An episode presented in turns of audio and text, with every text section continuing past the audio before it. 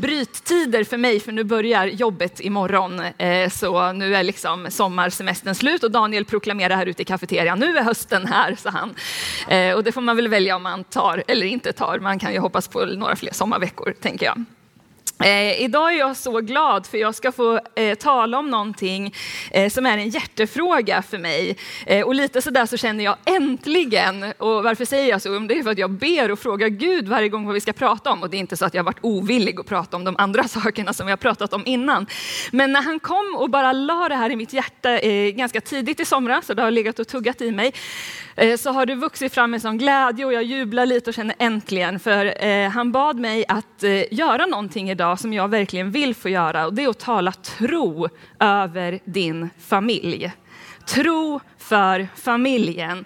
Tro för ditt äktenskap, tro för dina barn, tro för dina barnbarn, tro för dina fastrar och mostrar och kusiner.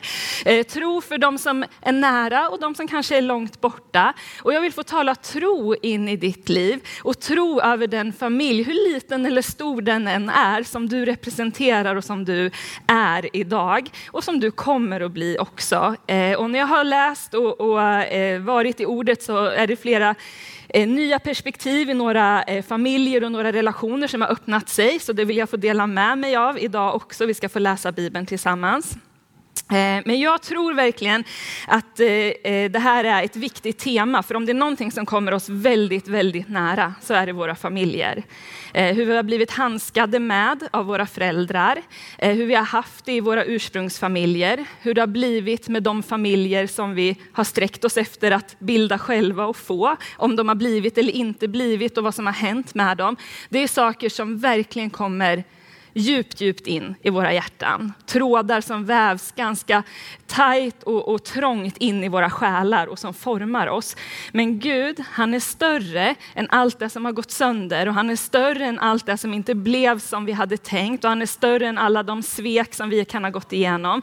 Och därför så, så är det mitt hjärta idag att få tala tro över familjerna. Och jag sagt åkte hem ifrån eh, Danmark från semester med familjen förra söndagen så hade vi vår lilla mobil mobilskärm på Mikaels predikan och då så sa ju han att jag tror och därför talar jag. Och då kände jag bara yes, jag tror på familjen och därför talar jag. Jag tror på upprättade familjer, jag tror på din familj, jag tror på din framtid. Eh, och därför så vill jag verkligen få tala om det här idag. Eh, och Mikaels eh, undervisning var ju fantastisk, så eh, lyssna gärna på den, hur du talar, för det knyter ju väldigt mycket an till våra familjer och oss själva, hur vi ser på oss, vilka vi är i relation till våra släkter och familjer. Eh, så vi repeterar inte det idag, men hur du talar, otroligt viktigt. För övrigt är ju det här med eh, att semestern tar slut en väldigt svår och sentimental tid för mig. jag, jag har jättejobbigt med semestern, nu ska jag erkänna här, jag älskar ju att jobba och vi möts ju mycket här i vardagen, många utav oss. Men den här brytpunkten som uppstår när semestern tar slut, då går jag igenom sådana kval i mitt liv. Jag ska byta karriär och jag ska liksom bli ekonomiskt oberoende, inte behöva jobba mer och jag vill säga upp mig och jag vill flytta, jag vill allt liksom bara för att jag vill vara kvar i familjetiden. Jag är kanske lite överdrivet förtjust i att ha semester med min familj. Jag älskar familjetid, jag älskar att vara på semester med dem. Och när det där börjar liksom klinga av, då sörjer jag så mycket och jag blir jättesentimental. Så jag, jag har haft en liten sån där jobbig vecka. Det sköna var, och det här det ska jag lära mig till nästa år, det var att Daniel började jobba i måndags. Så lite av det här myset, det bröts ju sönder av att han behövde in i vardagen en vecka före mig. Så då har jag fått liksom sakta vänja mig lite vid att det är liksom vardagen vardagen som väntar, så nu börjar jag känna mig laddad för att jobba imorgon. Eh, men jag älskar verkligen familjetid. Eh, och därför så har jag eh, behövt inse en sak och det är att jag behöver inte bara familjetid. Eh, för jag älskar det så mycket så att jag skulle kunna liksom boa om mig och min familj och bara liksom låsa lägenhetsdörren och tänka så här, bor vi med varandra för resten av vårt liv. Eh, och i en period när jag var i ett sånt läge och bara kände så här, men det är vi liksom. Då var Gud där och knacka och bara Johanna, du vill inte bli döda havet. Och jag bara insåg det, nej, just ja. Tanka på, tanka på, kärlek, massa mys, massa familjetid. Men om jag inte har något utflöde, om vi som familj inte har något utflöde, då kommer det bli en ganska unken lägenhet efter ett tag. Det kommer bli väldigt instängt och väldigt introvert. Och där fick börja tugga lite grann i mig och sen hamnade vi familj, som familj här i våras i ett liknande samtal. Och då fick jag säga just det här till barnen och säga, men hörni tjejer, vi vill väl inte bli Döda havet? Nog för att det är härligt med fredagsmys, nog för att det är härligt med familjelördagar, nog för att det är härligt med semester.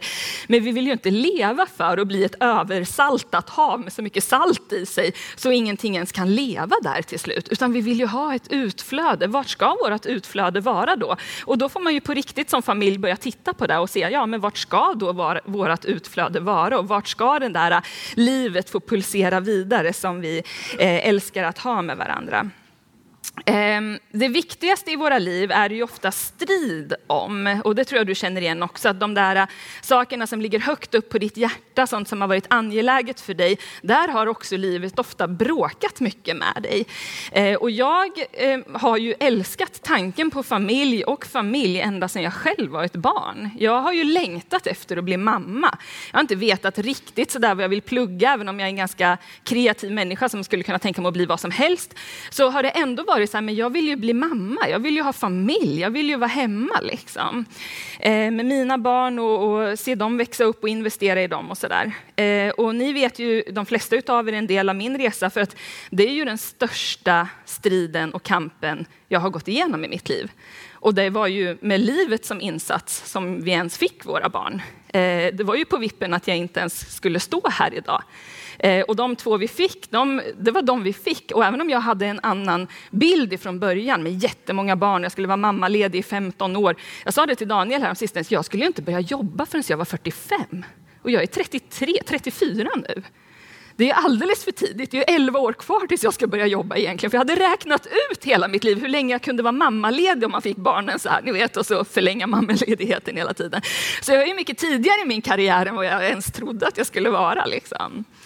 Men det som var viktigt för mig, det var ju sant och rätt. Gud hade lagt något på mitt hjärta, att det var viktigt med familjen. Jag tror han hade planterat den drömmen i mig när det gällde våra barn, hur vår familj skulle leva och tjäna Gud och också få stå här idag och tala med dig om familjen. Det var en hjärtefråga, det var något som Gud hade lagt där och det är klart att djävulen kommer och bara försöker hyvla oss vid fotknölarna, att det inte ens var på väg att bli en familj. Eh, och där behöver vi på ett sätt vara medvetna om att de viktigaste sakerna i våra liv, de kommer det vara strid om och de som kommer oss, som jag sa förut, allra närmast, som verkligen rör djupet av våra hjärtan, det som har med familjelivet att göra, det kommer också djävulen försöka använda för att bråka med ditt innersta och för att ställa till det riktigt på insidan. Men hur det var så kom vi igenom den här tuffa passagen och, jag är så otroligt tacksam och glad för den familj som vi är idag. Och nu i mitt huvud, jag kan inte ens föreställa mig att vi skulle vara något annat än vi fyra. Eh, och det är precis så som Gud har tänkt och han använder det precis som han vill i den här tiden. Men då kommer ju nästa utmaning med att ha en hjärtefråga och ha någonting dyrbart. Och det är att det blir mitt. Och det här är så lurigt. Gud lägger en dröm på våra hjärtan. Gud lägger en dröm i ditt liv. Han lägger planer och tankar. Och när du väl är där, att du får det som han har lovat dig, som han har talat om, då är det som att du bara kniper om det och bara, det är mitt, det är mitt, det är mitt. Det blir lite Sagan om ringen läskigt över det hela, liksom, det är mitt.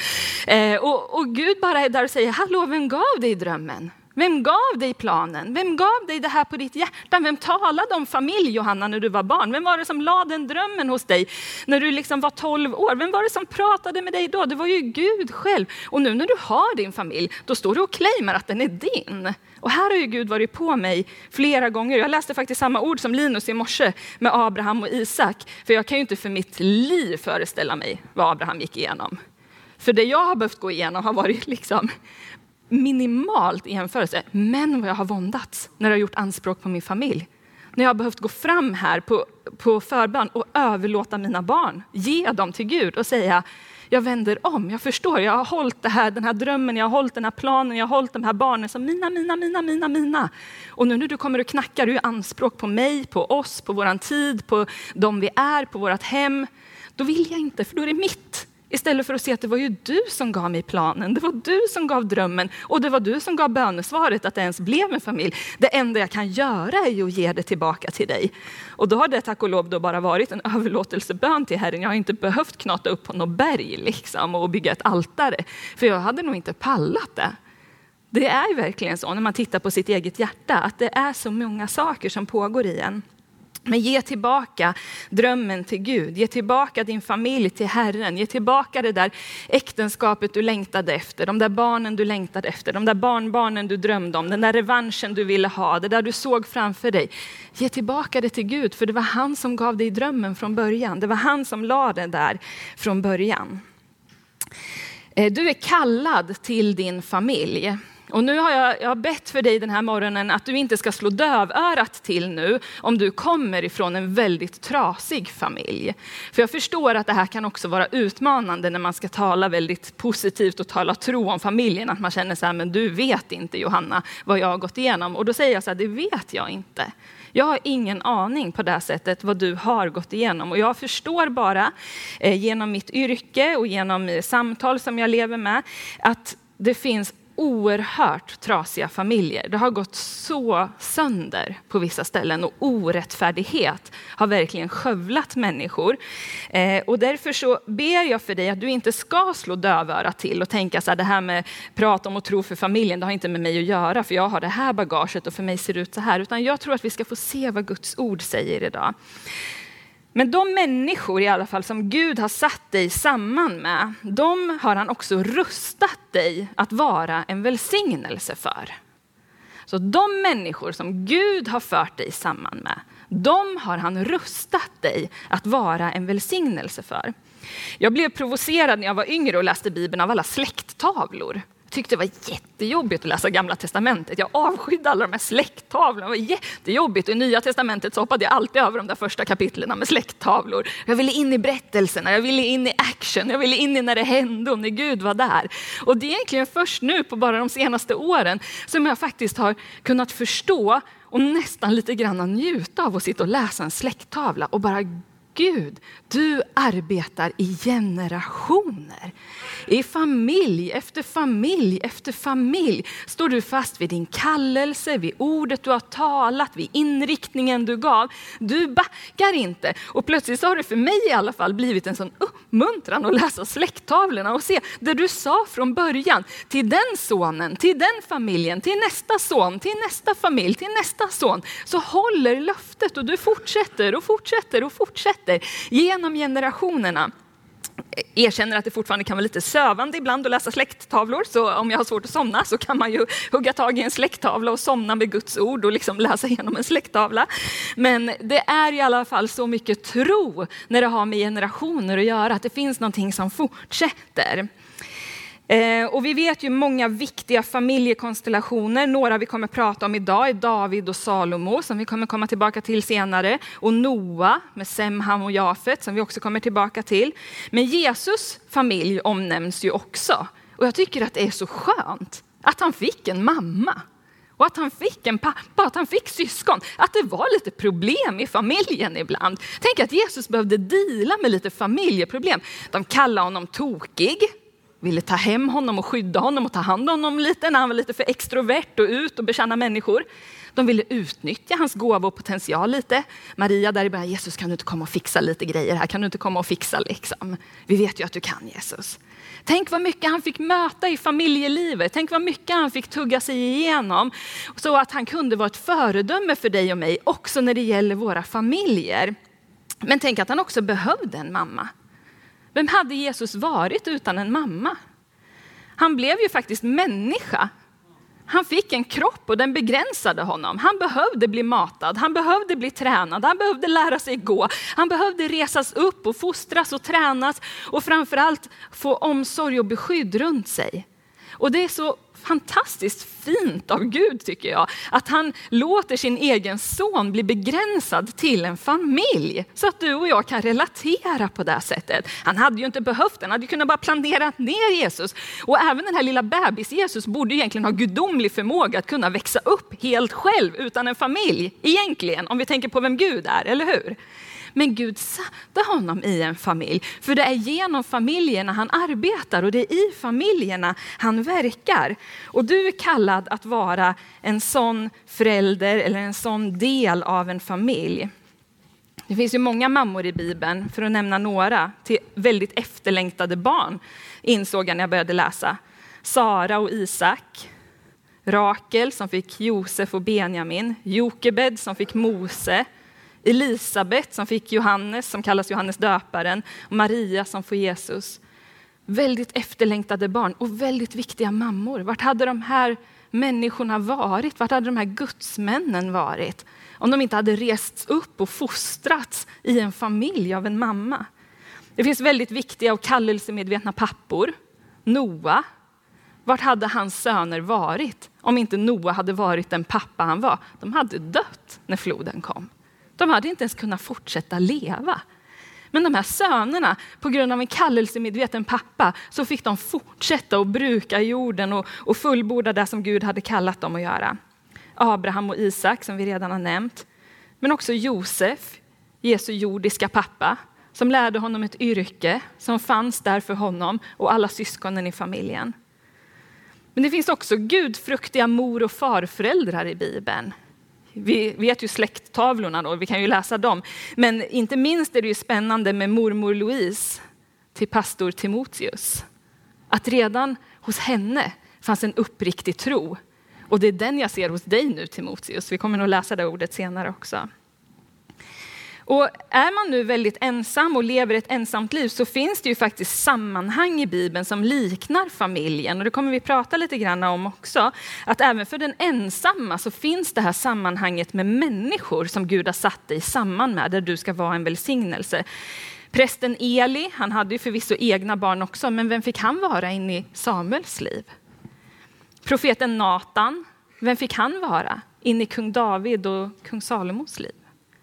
Det finns viktiga sammanhang för dig, även om det inte bara är knutet till din biologiska familj. Och inte minst i det nya förbundet, i nya testamentet, så ser vi ju att församlingen också är tänkt att vara just en familj och just en sån sammanslutning av människor, där vi faktiskt får betyda någonting för varandra. Men om vi ska landa i det här då, då betyder det att min kallelse i livet då, fru Johanna Karlsson, det är alltså att få Daniel att blomma och utvecklas och bli allt som Gud har tänkt att han ska vara. Min kallelse är att han ska komma ut ur sina begränsningar och nå sin fulla potential. Det är det Gud har kallat mig till i det här äktenskapet. Och det kan ju vara nog så provocerande när våra svagheter och styrkor börjar krocka i vardagen och i livet. Och bara inse, ja, du satte oss samman för att du skulle peta på just det här området till frihet i oss. Och du satte oss samman för att just det här skulle pressas upp till ytan till frihet för oss. Och vi, ja, ni alla har ju egna härliga exempel. Vi har några sådana här. Eh, den ena saken är ju att Daniel, han gillar att hjälpa till. Han är ju väldigt så här, ja, jag kommer och ja, jag skjutsar och ja, jag kör och ja, jag bär och ja, jag fixar. Och det är liksom, han säger alltid ja, så han tycker det är roligt att hjälpa till och roligt att greja och sådär. Och jag tycker det är roligt att hjälpa till, men jag tycker inte det är roligt att bli hjälpt. Jag är så extremt självständig. Jag gillar att göra saker själv och på mitt sätt och klara mig. Och det, det kan ju vara bra nog så ofta för att jag får saker gjort. Men då när vi sitter hemma på kvällarna och jag sitter och jobbar och ska göra typ en powerpoint eller något annat på datorn. Och jag sitter och frustar.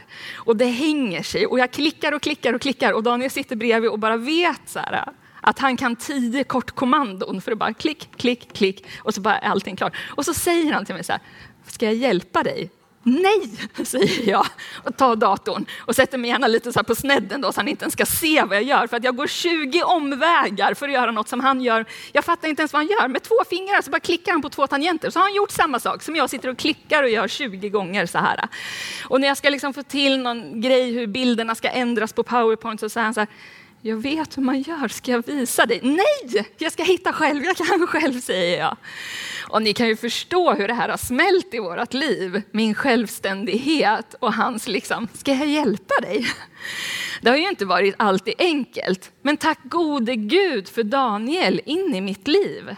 För om det är någonting som har behövt brytas i mitt liv så är det ju en felaktig självständighet.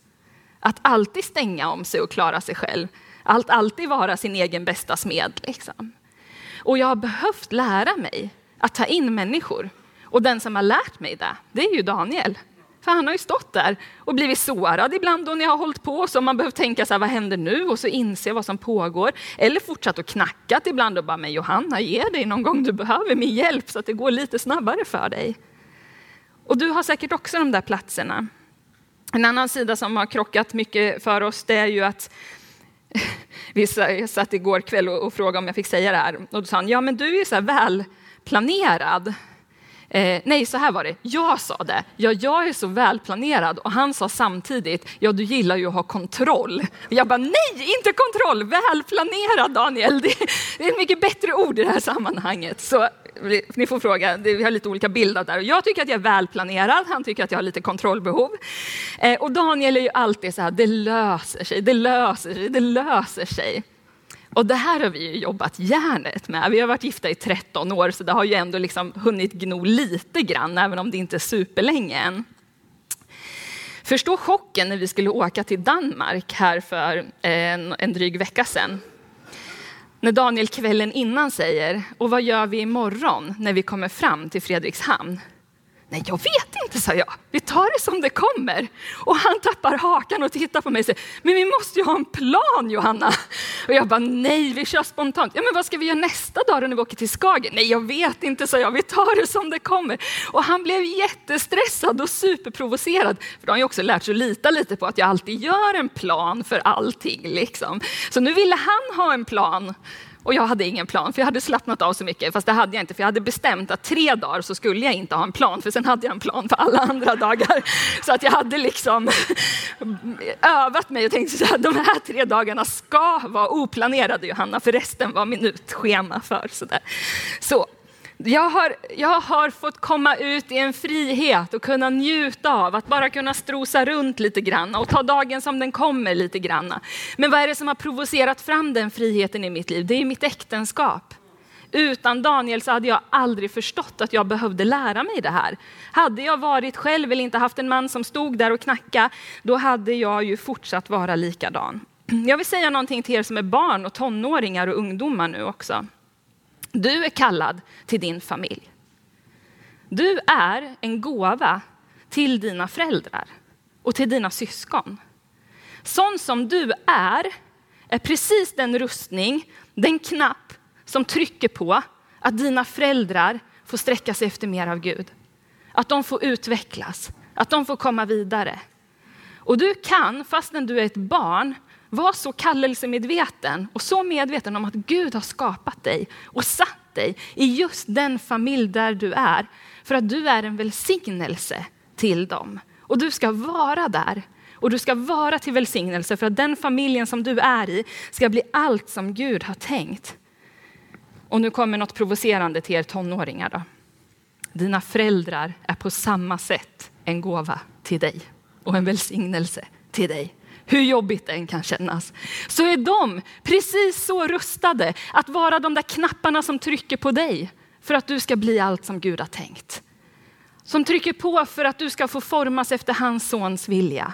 Som är de som är mest rustade att vara till störst välsignelse för dig för att du ska nå hela din potential och bli allt som Gud har tänkt. Jesus visste ju verkligen det här. Han visar ju med sitt liv. Han sökte Gud först. Det ska vi ha med oss. Nu pratar jag fortfarande till dig som är tonåring här. Är du med? Han sökte Gud först och det ser vi ju lite i den här berättelsen när han är 12 år och blir kvar i templet. Vad var viktigast av allt för Jesus? Det var att vara i Guds närvaro. Det var att söka Gud först. Ett bibelord som ni säkert har hört. Sök först Guds rike och hans rättfärdighet ska ni få allt det andra också. Det visste Jesus. Han ville vara i Guds närvaro, han ville vara hos Fadern. Men vad var det andra han hade fattat då? Jo, när föräldrarna kom och hämtade honom och sa vi ska gå hem, då följde han dem och det står lydde dem i allt. Och de två sakerna, om du som är tonåring eller barn kan bara höra de här två sakerna som Jesus hade förstått. Sök Gud och lyd dina föräldrar. Så står det, vad hände med honom? Han växte till Mer än sina bröder i förstånd, i vishet. Det var någonting gott över hela honom. Han mognade, han blev allt det som Gud hade tänkt. För han hade fått fatt på två viktiga saker. Och du som barn och tonåring, du är en gåva in i din familj och din familj är en gåva till dig. Det fattade ju inte jag när jag var tonåring riktigt. Käre värld vad jag bråkade. Det tror ju inte ni om mig nu, för jag verkar ju så snäll, eller hur?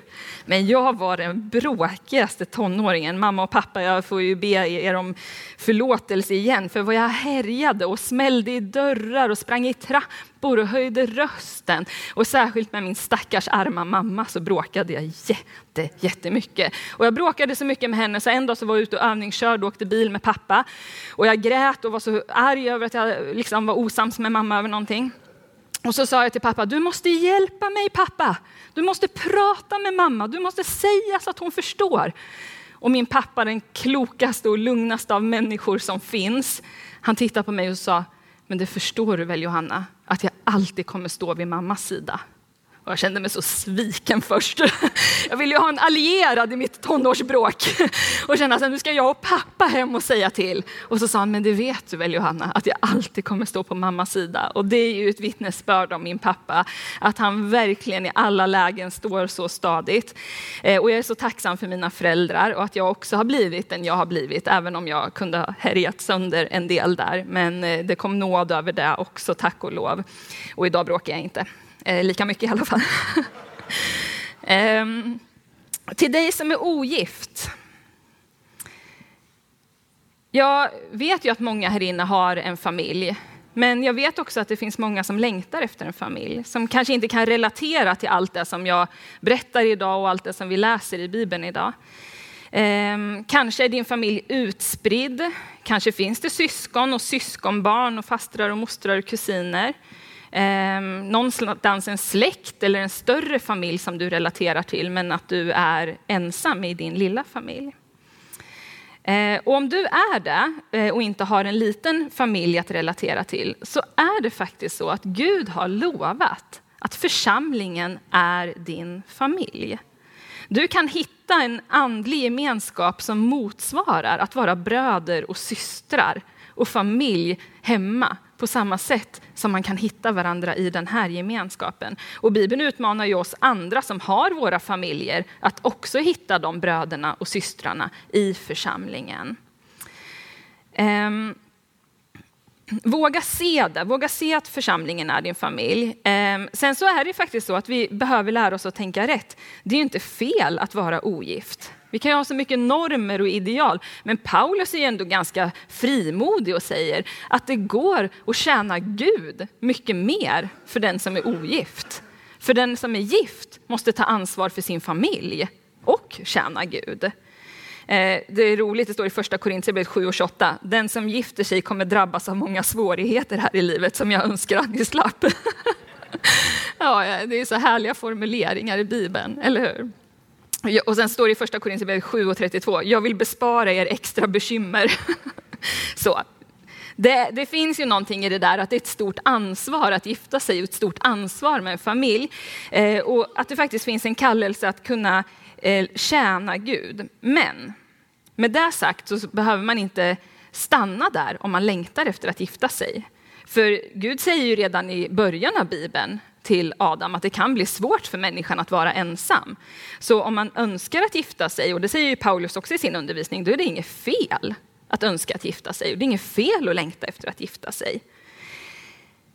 Och då vill jag också bara att den här predikan ska få tala tro in i ditt liv. Tala tro över din framtida familj, om du är där, att du längtar efter att gifta dig. Tala tro över det som en dag kommer att bli din familj. Jag är ju så oerhört tacksam att Daniel sökte Gud när han var ungdom och Gud talade till honom att vänta med sällskapslivet i två år. Jag kommer inte ihåg exakt hur gammal han var, säg att han var 19 eller någonting. Ehm, vänta två år. Och han visste, vadå två? Vad är två år? Liksom, ett år, ett och ett halvt, två, tre? Liksom. Så, ja, men Gud sa två. Och när det hade gått två år då hade jag precis hunnit ta studenten och gjort mitt teamår i församlingen och stod redo att börja mitt arbetsliv och sådär. Och då när Daniel sa till Gud, nu har det gått två år, vad ska jag göra nu? Då stod jag där framför hans ögon. På ett sätt, ja, ni förstår. Eh, men hur det kan vara, Gud för, för er samman i rätt tid. Och jag är så glad att Daniel gick den vägen. Och tänk så när det gäller din framtida familj och vad du väntar på. Vänta in Herrens vägar, skynda inte iväg, skynda inte före honom. Han kommer i rätt tid. Och sen är församlingen din familj. Jag hade ju inte heller varit den jag hade varit om det inte vore för min svärmor som verkligen insåg att församlingen är hennes familj. För i hennes, det här har hon ju vittnat om i församlingen så därför känner jag mig fri att säga det. Eh, för hon har själv delat med sig av det här vittnesbördet. Att när hennes familj inte längre såg ut som hon hade tänkt, som hon hade hoppats eller önskat och hon stod ensam med tre barn. Då valde hon att överlåta sin familj till församlingen. Så när den här församlingen skulle starta och en tid därefter, då tog hon med sig barnen och så gjorde hon som en överlåtelsehandling och sa, här är jag och mina barn och jag ger dem och mig till församlingen. Och hon fick tala ut att församlingen är vår stora familj och vår pastor är fadern i huset och då är han också fadern för vår lilla familj när vi är faderlösa. Och tänk vilket beskydd! Tänk att hitta en familj när det där går sönder och inte blir som man har tänkt. Och, ni, och frukten av det med Hanna som sitter här och, och, David och Sandra och Daniel och mitt liv. Tänk vilken frukt att kunna få plantera in sig i ett större sammanhang och ta sin lilla familj in i ett stort sammanhang. Så under den här fortsatta predikan till dig som är ensam, till dig som eh, längtar efter att gifta dig, Tänk på församlingen och våga också tala tro över den eh, framtida familj som du kommer få. Kroppen är ju byggd av celler. Nu kommer sjuksköterskan. Eh, kroppen är ju byggd av celler, den minsta beståndsdelen. Eh, och det är ju otroligt fascinerande med de där första, första cellerna som bildas när barnet börjar växa i magen. De allra, allra första cellerna, som var du, kallas för stamceller. Och de cellerna innehöll all kod, alltså några, några få celler som du inte ens kan se med ögat. De innehöll all kod för att bygga hela dig. Visst är det fantastiskt? Och att i varje cell i din kropp finns det kod för att bygga just det organet, just den kroppsdelen, just den funktionen. Varje cell bär upp den där koden. Varje stamcell från början hade koden till hela dig. Och när jag tänkte på det så tänkte jag att så är det ju att den minsta beståndsdelen är ju det som bygger Guds rike. Familjerna är det som är församlingen. Familjerna bygger Guds rike. Gud vill att familjerna ska fungera, att familjerna ska vara gudstjänstfirande, att familjerna ska ha ett liv med Gud som flödar, att familjerna ska vara kallelsemedvetna för att församlingen ska kunna vara det och för att Guds rike ska kunna vara det. Jag tror han bygger sitt rike, inte genom stora liksom, penseldrag och stora svep, utan han bygger det genom de små delarna som fogas samman. Och idag i den här predikan så är de där små delarna din och min familj, varje enskild familj. Och vi ska, nu har jag haft, pratat mycket, men vi ska läsa Bibeln, så vi börjar, vi sätter igång. Andra Mosebok eh, kapitel 12 ska vi börja med. Eh, för det här tyckte jag var så otroligt uppmuntrande när jag läste det, apropå att din familj, den lilla familjen, är en del av det stora gudstjänstfirande församlingen. Den lilla enheten, den lilla gudstjänstfirande familjen är en del av det stora folket, av den stora församlingen som Gud bygger. Och I Andra Mosebok 12 så kan vi läsa om den första påsken och om eh, hur brödet ska brytas och, och den här eh, måltiden som vi ofta refererar till som nattvardsmåltiden, när folket ska gå ut ur Egypten. Och det finns några formuleringar här som jag tyckte var så otroligt uppmuntrande. Då får de instruktioner eh, i vers 1 och 2 här om att de ska ta ett lamm eh, och förbereda den här måltiden. Och så kommer det i vers 4. Men om hushållet är för litet för ett lamm ska familjefadern och hans närmsta granne ta ett lamm tillsammans efter antalet personer. Om den lilla familjen är för liten, då ska de tillsammans med de som finns nära, tillsammans med de närstående, bryta den här måltiden, tillreda det här lammet.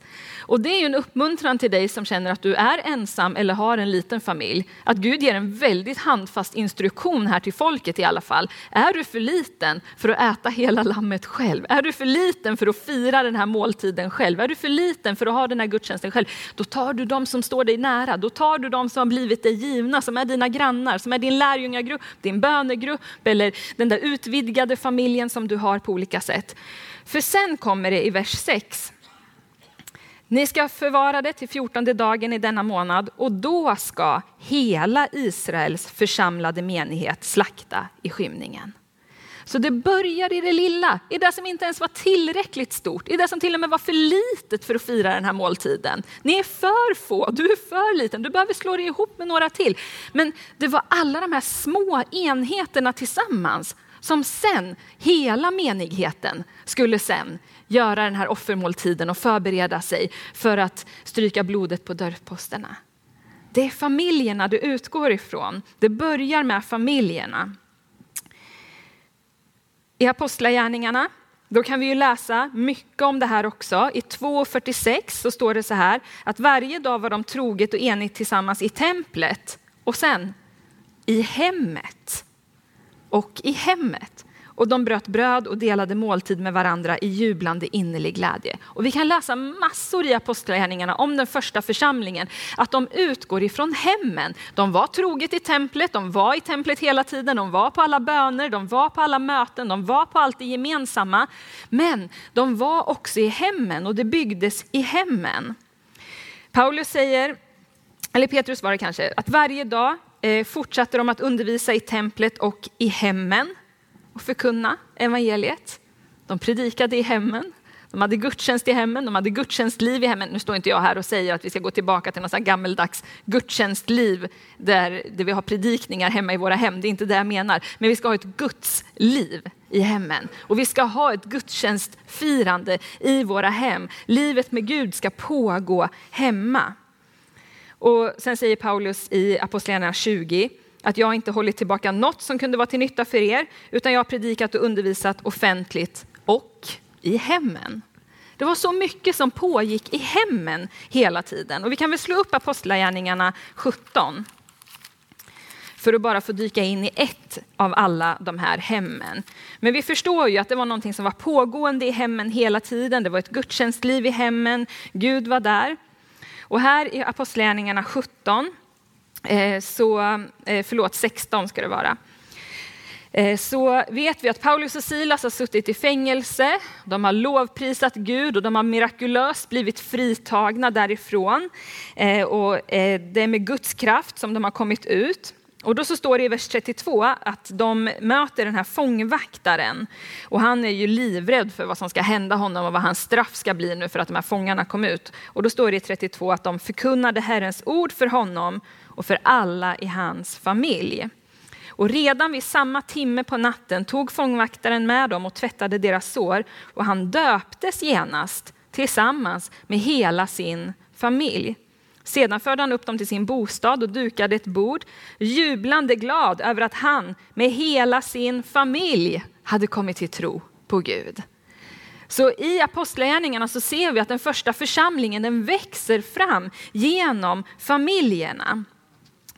Och familjerna är en viktig del när den första församlingen byggs. Jag tror att familjerna också bär upp en kallelse ifrån Gud. Jag tror att familjen är kallad, att det inte bara är fyra individer i vårt fall med fyra olika kallelser. Och det här, vet, det här bryter så i oss i den här tidsandan och i västvärlden. Där vi är så otroligt fokuserade på våra gåvor och våra karriärer och vad vi ska göra och vad vi ska bli och vilka vi vill vara. Och vi vill forma vår framtid väldigt, väldigt självständigt och också väldigt självständigt från våra föräldrar föräldrar ofta.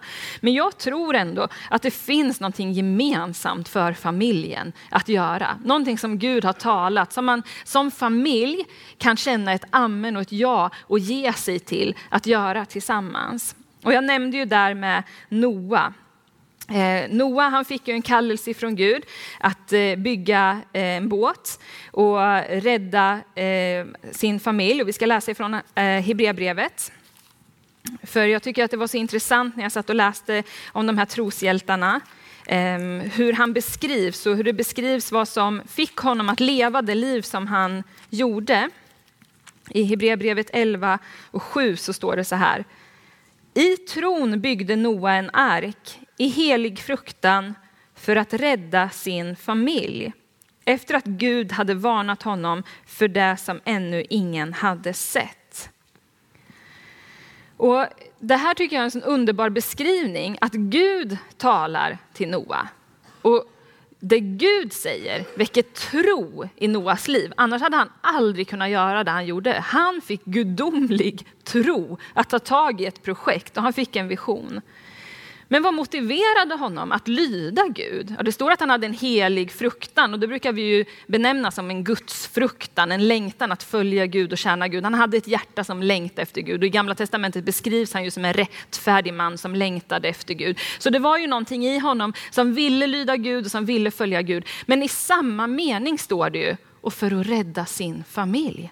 Han var så motiverad att få med sig sin familj, att rädda sin familj. Han ville lyda Gud, han ville vara gudfruktig, men han ville också få med sig sin familj. Och det tycker jag är så fantastiskt. Och på något sätt lyckas han ju plantera den här visionen i sina söner. Han är inte ensam och snickrar på båten, utan vi vet när vi läser i första Mosebok i kapitel 6 och 7 där, att Sem, Ham och Jafet, de var också med och byggde. Och när Gud ger kallelsen, då säger han ju du med dina söner och din hustru och dina söners hustrur, ni ska gå in i båten. Det gällde hela familjen och det var ju vuxna människor vi pratar om med egna barn också. Men det fanns ändå en kallelse över familjen tillsammans.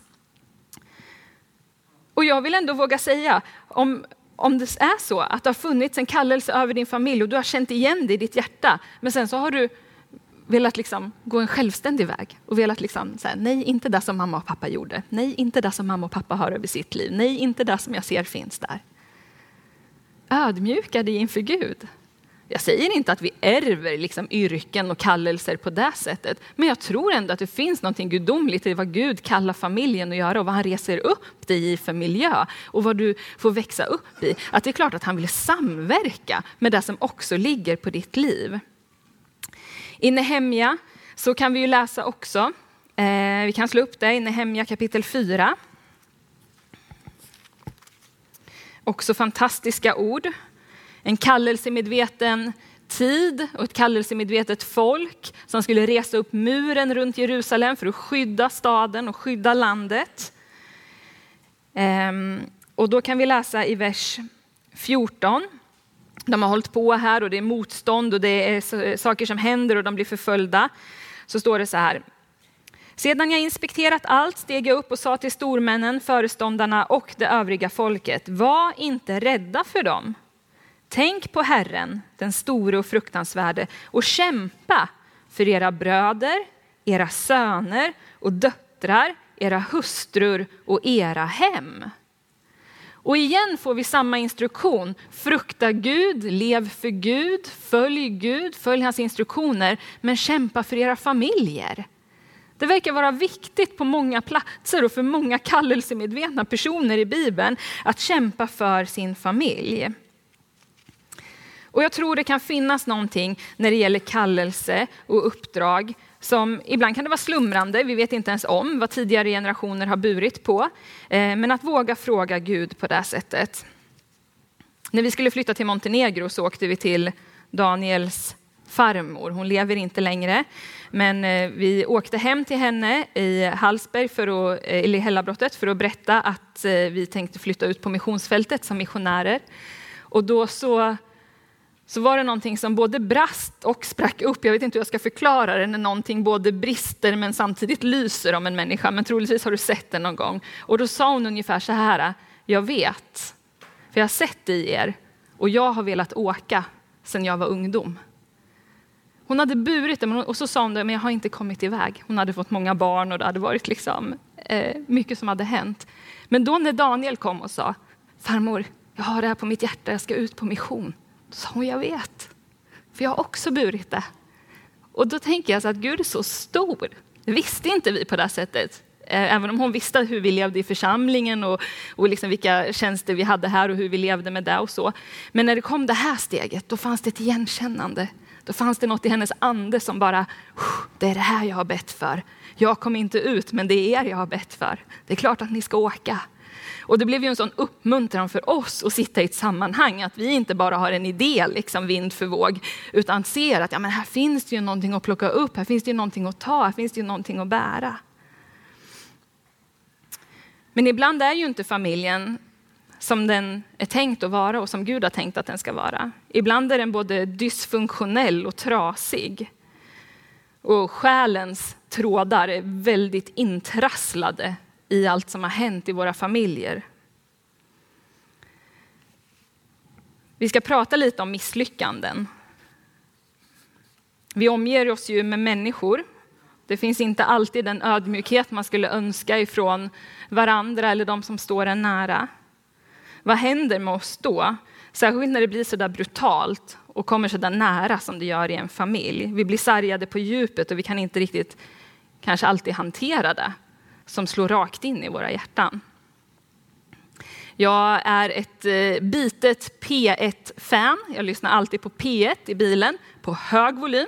Eh, så jag är som en, en liksom, ja, inte riktigt som min generation kanske om man säger så, när jag rullar in med min bil på olika parkeringar, utan då dånar P1 Radio ut ur eh, liksom, bilen när jag kommer rullandes.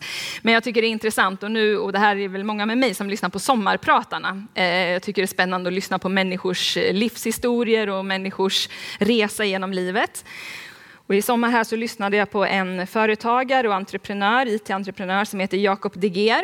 Och han har ju startat stora tekniska bolag i Sverige och en av dem eh, som har eh, ett sånt här unicorn-företag i Sverige då, som är jättehögt värderat och sålt och sådär. Han berättade lite i alla fall hur det funkar i den här världen när man ska få investeringar i sitt bolag för att de ska få pengar för att kunna fortsätta utvecklas och fortsätta bygga vidare och fortsätta växa. Och då sa han så här att, och det här det var så intressant, han sa så här, i USA, om vi kollar på deras investmentbolag som det heter, och de som ger pengar in i företagen, och så kollar vi på Sveriges investmentbolag. Då är det så att om man går till USA, till ett investmentbolag och ber om pengar, kan ni satsa på oss så att vi får bygga vidare? Då letar de efter företag som har misslyckats. Som har hunnit gå några vändor, gjort några saker som inte har blivit bra, rest sig igen, misslyckats igen och fortsatt att tugga vidare på sin idé och förädlat sin idé. Om det inte finns misslyckanden med i bagaget, då vill inte de amerikanska investmentbolagen investera i de företagen. För då, då har inte ni mött på riktigt motstånden. Då vet ni inte riktigt hur livet är än. Om ni fortfarande inte kan redovisa att det har gått fel någonstans, då tror vi inte riktigt på er idé. Då får ni komma tillbaka när ni har gett det lite mer tid. I Sverige om man kommer till ett svenskt investmentbolag och har misslyckanden, då drar alla sig tillbaka. Alla går ut ur förhandlingsrummet. Ingen vill ha beröring med ett företag som har misslyckats.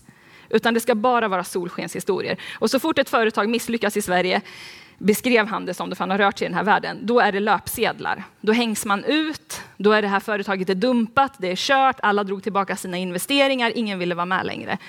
Men i USA så letar man efter att investera i företag som har gått en resa. Och då tänkte jag när jag satt och lyssnade och utbrast i bilen också. Gud måste vara amerikan, för han investerar i de företag som har misslyckats. Och han är ju sannerligen inte svensk i alla fall, för han har inte beröringsskräck med misslyckade familjer. Han har inte beröringsskräck med misslyckade företag och framför allt, han hänger inte ut dem på löpsedlar när det går sönder och när det går dåligt. Utan jag tror Gud, han är en riktig amerikansk jätterik investerare och han investerar i dig och i din familj och i det som har gått sönder. För han tror på det. Han tror att det kan lyckas. Han tror att Ur din svaghet kan du bli stark för att Herren är din styrka. Han tror på att investera i dig för att hans namn ska bli förhärligat. Inte för att du var jättebra och aldrig hade gjort några fel, utan för att han ska få äran. Han kallar det som ingenting var för att det inte ska få beröm i sig själv, utan för att skaparen ska bli ärad och berömd. Är din familj pressad? då är Gud trofast. Har din familj några rejäla misslyckanden i bagaget så investerar Gud i dig ändå. I Andra Samuelsboken så kan vi läsa om en riktigt trasig start i livet.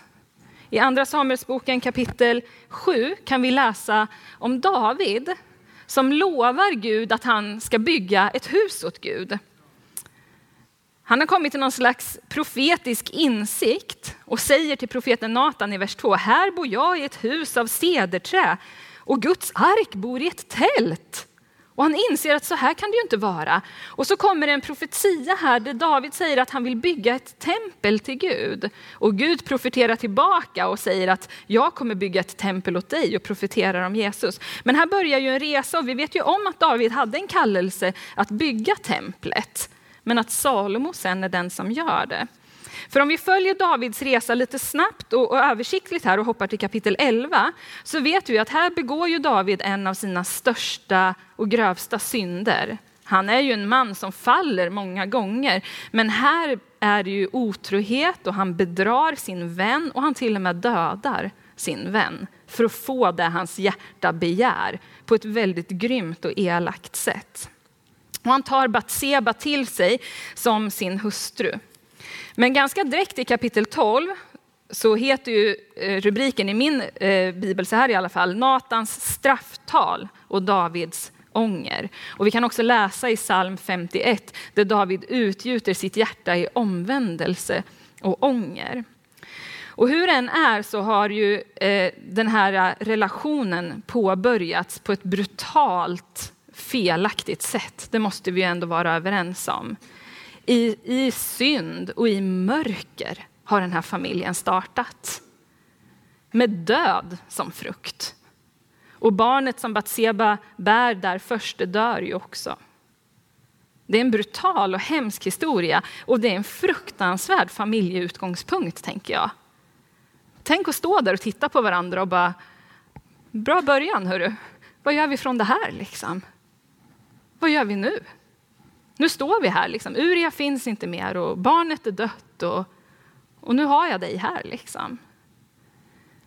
Tänk att Gud är så nådefull och så stor att han kan kliva in i något så trasigt och något så fruktansvärt och upprätta det och använda det. Det står ju sen att Salomo föds och i 12 och 24 så står det att Herren älskade honom och sände ett budskap med profeten Natan. Och hans namn Salomo betyder hans frid. Så plötsligt är det någonting i det här äktenskapet, i den här familjen, som får börja vittna om någonting annorlunda, om Guds frid. Det som var så sargat och så söndrigt och som startade på helt fel grunder, ren själviskhet. Där kliver Gud in efter omvändelsen med sin frid och de får Salomo. I första kungaboken så kan vi sedan läsa att Salomo blir kung. Det är lite rörigt runt honom ett tag. Det finns bröder som vill ta makten. Men om vi går till första kungaboken 5, då har han redan blivit kung. Det har blivit som profeten sa, det har blivit som Gud sa. Och Salomo har fått ta över efter David. Ska vi se. Första kungaboken 5.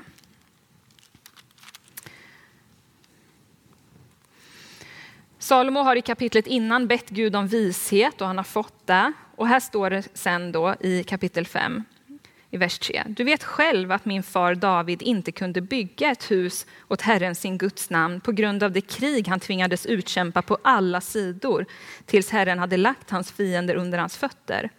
Men nu har Herren, min Gud, låtit mig få ro på alla sidor. Ingen motståndare finns och ingen olycka nalkas.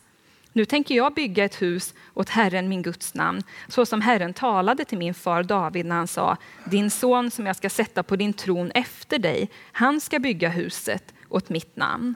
Och sen i kapitel 6 och vers 11. Och Herrens ord kom till Salomo. Han sa, med huset som du bygger ska detta ske. Om du vandrar efter mina stadgar och följer mina föreskrifter och håller fast vid alla mina bud och lever efter dem, så ska jag med dig uppfylla mitt ord som jag talade till din far David. jag ska bo mitt ibland Israels barn och inte överge mitt folk Israel. Och så byggde Salomo huset och gjorde det färdigt. Det är fantastiskt. Kallelsen som David fick, som han inte kunde fullborda, som han inte kunde fullfölja. Tänk att den familjen som föddes på en sån tragisk plats fick sen Salomo då vara frukten ur den familjen och fullborda det här bygget och fullborda de profetiska orden och fullborda det som Gud hade talat. Jag tycker att det är en underbar och uppmuntrande historia. Har din familj, dina relationer startat helt fel eller gått helt fel? Tänk vilken uppmuntran att Gud kan kliva in och använda det som ser ut att inte vara någonting, det som ser ut att vara helt nattsvart och faktiskt göra någonting underbart av det och till och med fullborda alla profetiska ord och alla löften genom det. Vad var nyckeln där? Det var Davids omvändelse. Jag ska kort också nämna en far och son relation till som har stuckit ut för mig. Och de finns i Andra krönikeboken från kapitel 14. Och då har vi en kung eh, som heter Asa i Juda. Och det börjar ganska bra. Asa är kung i Juda och det står att han gjorde det som var rätt i Guds ögon i kapitel 14, vers 2-3. Så kan man tycka synd om honom att han heter Asa, men eh, det gjorde han i alla fall. Han gjorde det som var rätt i Guds ögon och han gjorde många goda saker. Ehm, men det händer någonting. Det kommer ett annalkande krig. Och Asa blir rädd. Han har vunnit en del strider tidigare, det har gått ganska bra för honom. Men när det här kriget kommer så blir han plötsligt rädd. Och han sluter ett förbund med kungen i Damaskus istället. Tidigare strider då hade han lutat sig mot Herren enbart och vunnit. Men nu var han så rädd så han behövde börja alliera sig med människor, så han knöt förbund med den här kungen. Och det står i kapitel 16 och vers 9 välkända ord. Herrens ögon sveper över hela jorden för att stärka dem som med sina hjärtan ger sig hän åt honom. De här orden känner vi igen, eller hur? De kommer till den här kungen i det här läget. Att nu litar du ju inte på mig längre, nu litar du ju på människor. Och i detta har du handlat dåraktigt. Det brukar inte vi läsa vidare, eller hur? Vi brukar bara stanna där med det här äh, att Gud vill ge oss kraft och styrka. Och därför ska du från och med nu ha ständiga strider. Så från den dagen så vände Asas liv och det brakade samman i fruktan, i bortvändhet ifrån Gud och i ständiga strider.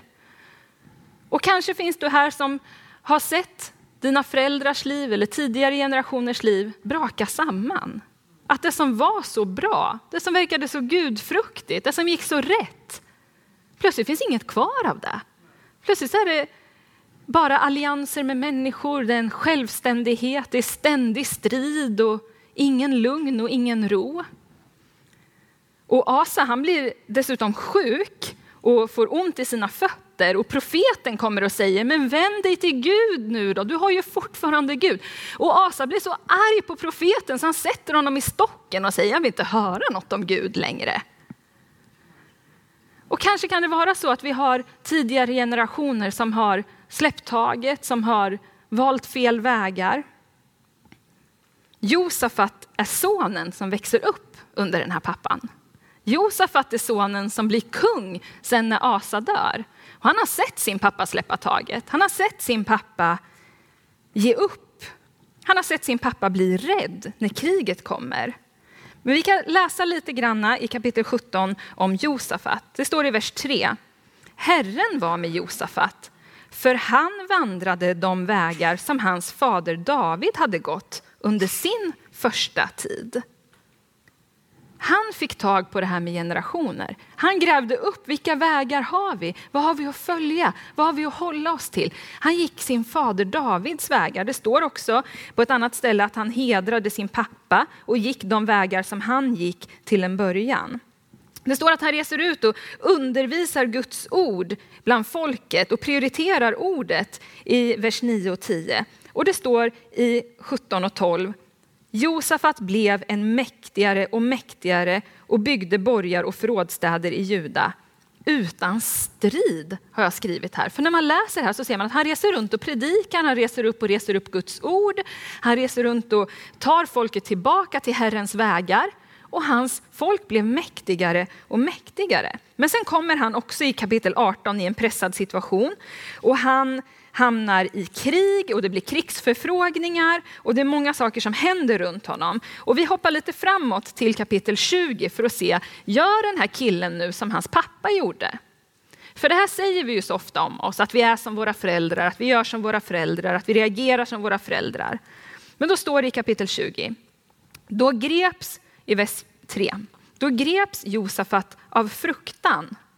Ser ni, han blir rädd och beslöt sig för att rådfråga Herren och utlyste en fasta över hela Juda. När senast, när du blev rädd, så sa du, jag bestämmer mig för att rådfråga Herren och utlysa fasta, för nu är jag rädd. Eller hur? Det är väldigt utmanande ord, hur han möter det här kriget som kommer. Och helt tvärt hur hans pappa gjorde. Helt tvärt emot. Och sen så får vi, han får instruktioner. Och så säger Herren i vers 17, ni ska bara stiga fram och stå stilla och ni ska få se Herrens frälsning. Och i vers 21, han ställde upp sångare som skulle prisa Herren i helig skrud medan de drog ut framför den beväpnade Herren och de skulle sjunga tacka Herren, evig är hans nåd. Snacka om ett annat sätt att närma sig sin fruktan. Ett annat sätt att handskas med det där kriget som stod och ropade på honom. Han var inte utelämnad till att bli likadan som sin pappa och reagera likadant. Tack Jesus för hans blod som sätter oss fria ifrån felaktiga reaktioner och felaktiga mönster och felaktiga arv. Det behöver inte bli som det har varit. Det behöver inte bli som det blev för tidigare generationer. Och fastän jag har talat tro nu, att det kan finnas arv att plocka upp, det kan finnas kallelse att plocka upp, det kan finnas tilltal att plocka upp, så är det också så att Jesu blod kan bryta all den där vanmakten. Hur tidigare generationer har agerat, hur tidigare familjer har gått sönder, hur tidigare äktenskap har gått sönder, hur tidigare vanor har varit destruktiva för familjen. Du kan få åberopa Jesu blod över din familj. Att inte ta med dig de vanorna in, att inte ta med dig och reagera på samma sätt. Halleluja, tack Jesus för din familj. Tack Jesus för din familj. Jag känner det i hela mitt hjärta. Tack Jesus för den du är, för det du representerar. Tack Jesus för den familj du har idag, för den familj du ska få i framtiden. Tack för där du kommer ifrån, för det arv och det heliga arv, det andliga arv du har. Men tack också att Jesu blod drar ett streck över felaktiga reaktioner och felaktiga gensvar på fruktan. Så att vi kan få agera utifrån Guds ledning istället. Rolle och ni kan få komma upp och spela och vi ska få gå inför Herren tillsammans.